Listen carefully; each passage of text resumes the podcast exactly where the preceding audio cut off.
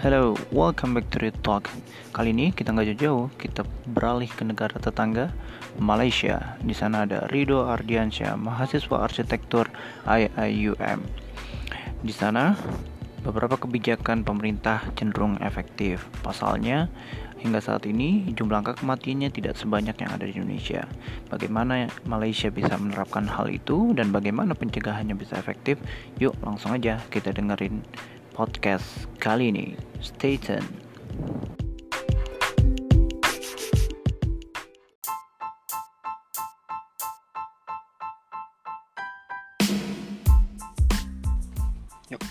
Oke, assalamualaikum Lido. Waalaikumsalam. How are you? Kaifa hal? Khair khair, alhamdulillah, alhamdulillah. Antum gimana? Fine, good. Bangku, udah lama ya kita nggak ya bertatap muka. Uh, uh. Yuk. Yo, tenang aja. Yo, Welcome to my podcast Read Talk. Uh, kali ini gue ngundang teman-teman dari berbagai belahan dunia untuk coba uh, sharing cerita pengalaman tentang COVID-19 yang ada di negara tempat mereka tinggal saat ini. Uh, oke siap. Mm. Temen gue sama Rido Rido ini teman sebangku gue dan dia juga uh, sekarang ah, dulu sekelas kita sekarang dia uh, lagi Yes. di arsitektur di IIUM Indonesia Rido boleh kenalin Yes. diri dong ke Oke, eh, nama Ridho Ardiansah, asalnya dari Bangka Belitung. Eh, kebetulan ini lagi tahun terakhir sama last semester di AAUM untuk ngambil jurusan arsitektur. Nah, doakan, insya Allah great. Amin. Good. Karena COVID. Di Malaysia udah Mhm. berapa lama sih dok? Kan kalau di Indonesia kan uh, bulan lalu eh, mulai Eh, mungkin kalau di Indonesia baru apa namanya ramenya di bulan lalu, kalau di Malaysia mungkin dua bulanan gitu lah. Dua bulanan di sini udah banyak kedengaran isunya. Cuman kita kayak masih santai-santai aja. Tapi rakyatnya udah udah mulai sadar. Jadi kita udah perasan gitu udah udah ngerasain. Tiap orang udah mulai bawa sanitizer sama kayak ngingetin satu sama yang lain supaya nyuci tangan. Ah itu udah mulai kerasa bahwasanya ada covid virus di surrounding. Very nice. So kalau kita bicara angka dok dia berapa sih sekarang eh, angka suspeknya orang dengan COVID-19 itu dan eh, how many gitu yang meninggal karena kasusnya Kalau yang suspek itu udah udah nyentuh 2000 ya, 2000 2100 Hmm, kalau nggak salah. Urutannya ke 22 23 besar gitu Oke. urutannya. Tapi alhamdulillahnya masih ke kontrol untuk angka yang meninggal. Jadi alhamdulillah untuk hari ini itu yang meninggal juga cuma satu orang. Really? Jadi baru 20 apa? Satu orang meninggal? Ya, untuk hari ini hari ini. Oh, hari Tapi ini. haha. udah sampai ah, hari ini aja. Jadi udah masuk 20 20 ya, 20 lebih gitu. Oke. Kalau nggak salah.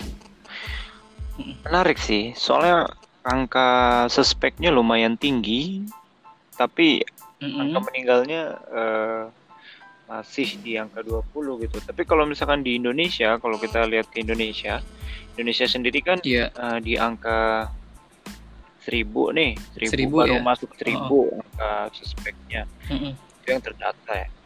Tapi kalau kita Iya. lihat angkanya justru udah masuk ke 80. Udah Di mana, 100 lebih ini sekarang. eh, apa? Angka meninggal Iya. Eh, di Indonesia. Coba cek untuk hari ini. Ah, Oke, good. udah nyentuh seri. Iya, artinya artinya berbanding terbalik sebenarnya sama Indonesia. Ya mungkin eh, impact dari beda ini ya beda sistem pemerintahan juga ya. Kalau di Indonesia kan kita anut presiden, eh, kemudian kalau di sana kerajaan dan mungkin kerajaan bisa lebih Mm-mm. cepat lagi dalam menang hal-hal tersebut. Iya. Kira-kira upaya apa aja sih dok yang dilakukan eh, pemerintahan Malaysia itu dalam mencegah ini bisa efektif gitu? Eh, sebenarnya yang kayak gini tuh memang sih ada apa namanya memang paling besar itu dari pemerintahan tapi kalau misalkan kita yang sehari-hari gitu ya yang ngelihat uh, lingkungan penduduk Malaysia sendiri memang kayaknya kesadaran mereka lebih tinggi gitu untuk untuk kesehatan itu sendiri dari mulai di mana-mana udah ada sanitizer. Itu sebelum ada covid juga udah kayak gitu gitu. Nah. jadi untuk mulai apa untuk pemerintah sekarang mereka ngelakuin RMO RMO itu kayak sama aja kayak ngeluarin duit zero ringgit gitu. RMO bahasanya restrict movement order. Tapi kalau kita kan yang awam ngelihatnya kayak RM pergerakan tidak mengeluarkan uang gitu. Maksudnya berdiam aja di rumah Nah, kayak gitu. Oh. Tapi itu masih restrict movement bukan lockdown. Restrict ya. Oke. Okay. Ah, restrict. Jadi kita masih boleh keluar, masih boleh belanja, tapi diawasin.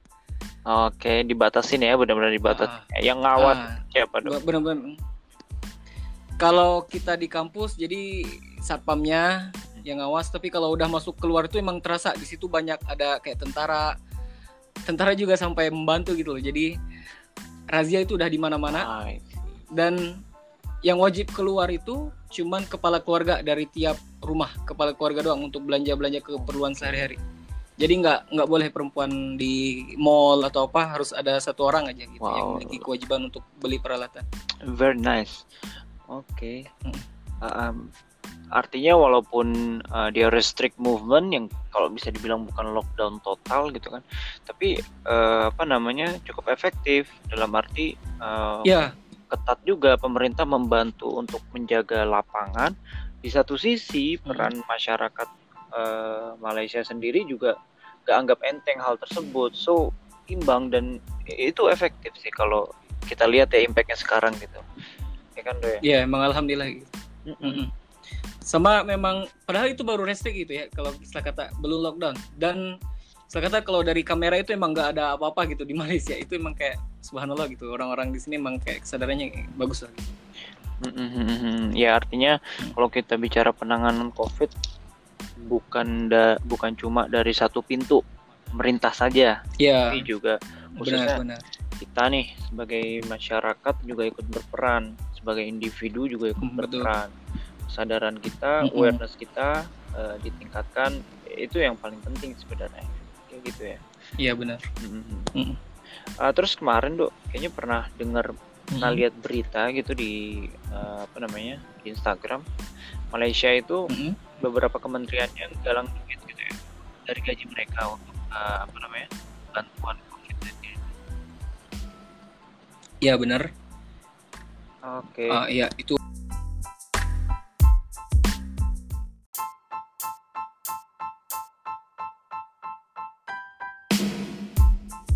sebenarnya itu pergerakan awalnya mereka itu udah memiliki panitia kementerian gitu loh bahasanya.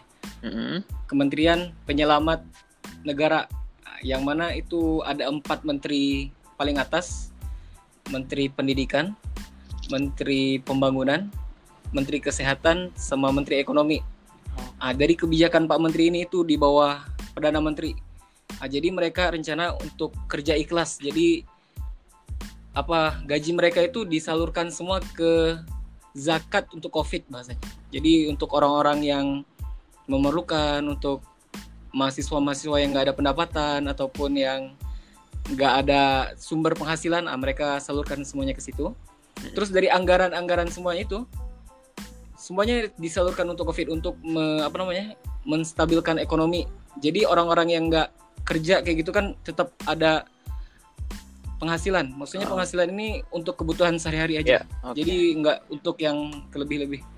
Gitu. Oke, okay, artinya memang sudah dibentuk oleh parlemen atau pemerintahan pemerintah uh, Malaysia hmm, sendiri ya untuk uh, penanganan khusus ini yeah. dan empat kementerian itu galang dana donasi yang bahasanya tabung tabung covid gitu. tabung covid oke okay.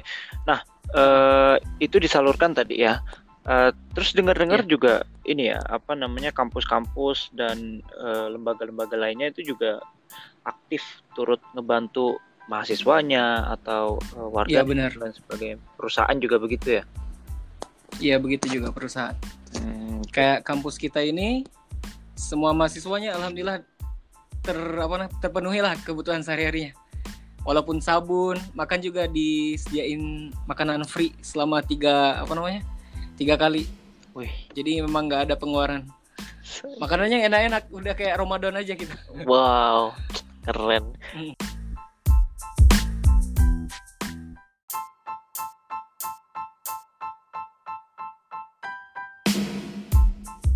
apa namanya? Ya tadi gitu. Jadi ada sebagian aja yang sekarang tuh pesawat-pesawat masih boleh keluar gitu ya. Jadi and then kayak perusahaan-perusahaan itu kalau setahu Ana yang kalau Ana di perusahaan sekolah soalnya sempat ngajar di salah satu lembaga besar yang Brainy Bunch namanya International Oke, School di situ mereka buat program apa zero Mhm. hunger gimana itu? ah zero hunger tuh kayak jadi kayak perusahaan mereka kan udah kaya gitu walaupun memang akan pendapatannya akan stuck di situ tapi mereka ma- masih mau gitu menyadarkan zakatnya tetap untuk disalurin gitu untuk covid. Ah, jadi nggak cuma satu perusahaan itu aja. Andai kata itu satu perusahaan punya powernya segitu. Dan di Malaysia ini banyak perusahaan yang mempunyai program kayak gitu. Begitupun di tiap-tiap desa itu ada masjid jadi satu masjid itu kan dananya gede banget, Rit. Jadi satu bulan itu satu masjid itu bisa memiliki pendapatan kayak 90 Wow. juta. Imagine. Wow, wow, wow. Dari mana itu kalau boleh tahu?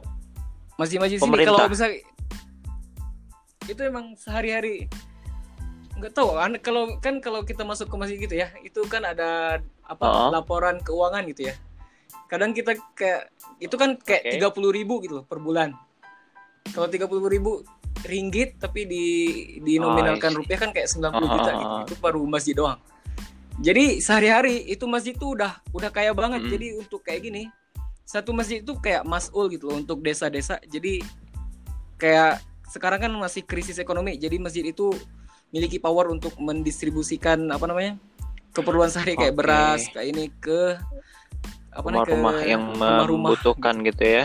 bagus uh, yang membutuhkan uh, uh, memang dia akan backup Ya keren sistem. juga ya kayak gitu. Jadi eh, ya nggak masjid-masjid, Hmm. pemerintahan, terus juga tadi eh, apa perusahaan-perusahaan yang memang Iya. besar gitu. Dan dia sadar bahwa dia ada salah Hmm. moral force. Eh, ada ya. iya ada kewajiban mereka untuk berbagi gitu pas Mm-mm. lagi krisis Nah, kayak gini. eh, itu sih yang mungkin di Indonesia juga baru-baru ini gitu kayak eh, himbauan Pak Erick Thohir untuk Kementerian BUMN nih eh, apa eh, Mm-mm. pegawainya beberapa pegawainya ayo dong kita donasi nih untuk yang infrastrukturin dan lain sebagainya Eh, dan juga eh, ngerangkul iya benar beberapa influencer donasi dan lain sebagainya ya, ya. Mm-mm. Nah, Iya. Untuk Nah. di Malaysia sendiri, Dok, warga ada yang suspek nggak sih, Mhm. Dok? Mm-mm. warga Indonesia ya Ada info nggak? untuk warga Indonesia saya saya kurang Mhm. tahu ya untuk sekarang ini cuman rata-rata yang suspek itu karena sa- salah satu setengahnya ya istilah kata 50 persennya itu pada dari acara yang tablik Oke. itu Di, ya di daerah Pernah mana itu, nggak Dok? yang acara tablik itu di apa namanya apa namanya sungai apa Sri Petaling. Sri Petaling, Sri Petaling. Berarti lebih dari situ ya, orang Ah, ah. mayority. ya ya mayoritinya di situ soalnya Brunei juga mulainya dari situ juga dari kumpulan Oke, itu juga oke. Kalau Ah, ah. yang Brunei ya memang dari 2000 itu ya jadi 1000 itu Oh, rata-ratanya 50 dari situ persennya ya dari sana ya. Sedangkan yang lainnya ah, rata-rata di daerah Ah. mana nih, Dok?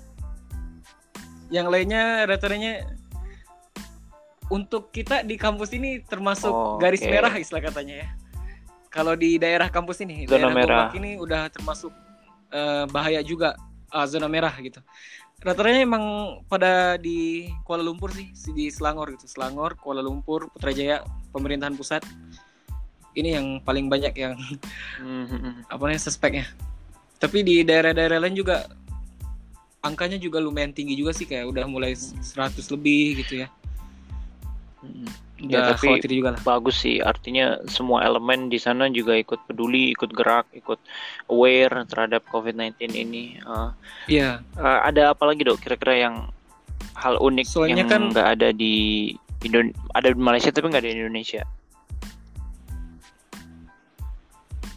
Yang unik itu eh, orang-orang di sini gitu ya, walaupun mereka Hmm. itu nggak ada gejala COVID, mereka akan tetap cek, cek apa namanya? screen Cek screen mereka ah. itu kena COVID atau enggak.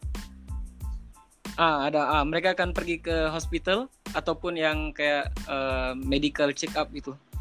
Padahal kita nggak ada nih, apa namanya? eh, Ah, simptomnya itu Iya, kan nggak ada apa bahasa simptomnya itu apa nih nggak ada nggak ada gejala-gejalanya itu nggak ada. Tapi mereka tetap mau ngecek gitu ngecek darah tiap hari. Itu dan itu rame gitu. Walaupun di kampus juga keren kayak gitu. dong keren dong Dok. tapi uh, berbayar nggak sih? Heeh. oh enggak nggak. Di untuk di kampus di di kampus aja sih. Oke, nggak tahu oke, sih kalau di lain. Menarik menarik menarik. Saya di Indonesia juga Heeh. kendalanya di situ gitu. Kalau kita kadang mau cek eh, diprioritaskan yang ada gejala dulu dan lain sebagainya dan lain sebagainya bahkan ada yang berbayar Iya, juga dan itu nggak murah. Ah, oke dok.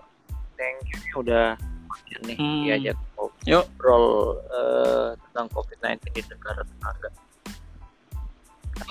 Wah nah yang makasih Iya, banyak nih. kira-kira ada- diundang. salam nggak nih sama teman-teman yang ada di sini dok? Eh, salam kita selalu jaga kesehatan. Insya Allah kalau ada apa namanya kesempatan kita ketemu lagi Eh, kangen lah kangen banget nih kalau misalkan Oke. reuni gitu ya sama teman-teman gontor iyalah harus Mm-mm. salam lah untuk Oke siapa harus aja ke Indonesia lah dua ya. Ah, jadi betul. iya ini kita masih jadi the next terbatas Ridwan Kamil lah dok. bangun bangun Wah. Bangka gitu kan nanti dari Bangka kan asli. Iya.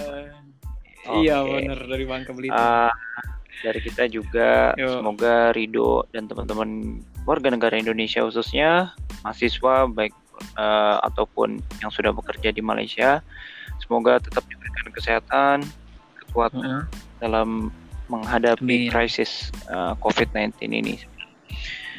Nah, mungkin itu Rido thank Ya, you banget sekali lagi. Uh, uh, teman-teman semuanya, jazakumullah ya. uh, Rido dari Malaysia, Kuala Lumpur. Dok, Kuala Lumpur atau Gombak? Oke, Gombak, Gombak. Malaysia. Ah, Gombak. eh, tadi menceritakan hal-hal unik yang ada di Malaysia terkait penanganan COVID, di mana semuanya ikut turut, turut andil, pemerintah, perusahaan, eh, lembaga-lembaga pendidikan, masyarakat dan Iya, lain sebagainya, masyarakat sehingga penanganan itu cepat dan angka kematiannya minim. Ayo untuk teman-teman di Indonesia kita juga mulai aware terhadap Hmm. diri kita pribadi khususnya dan juga terhadap lingkungan dan eh, orang-orang sekitar kita. Thank you yang sudah mendengarkan. Untuk sesi-sesi berikutnya ditunggu dan stay tune. Assalamualaikum warahmatullahi wabarakatuh. Waalaikumsalam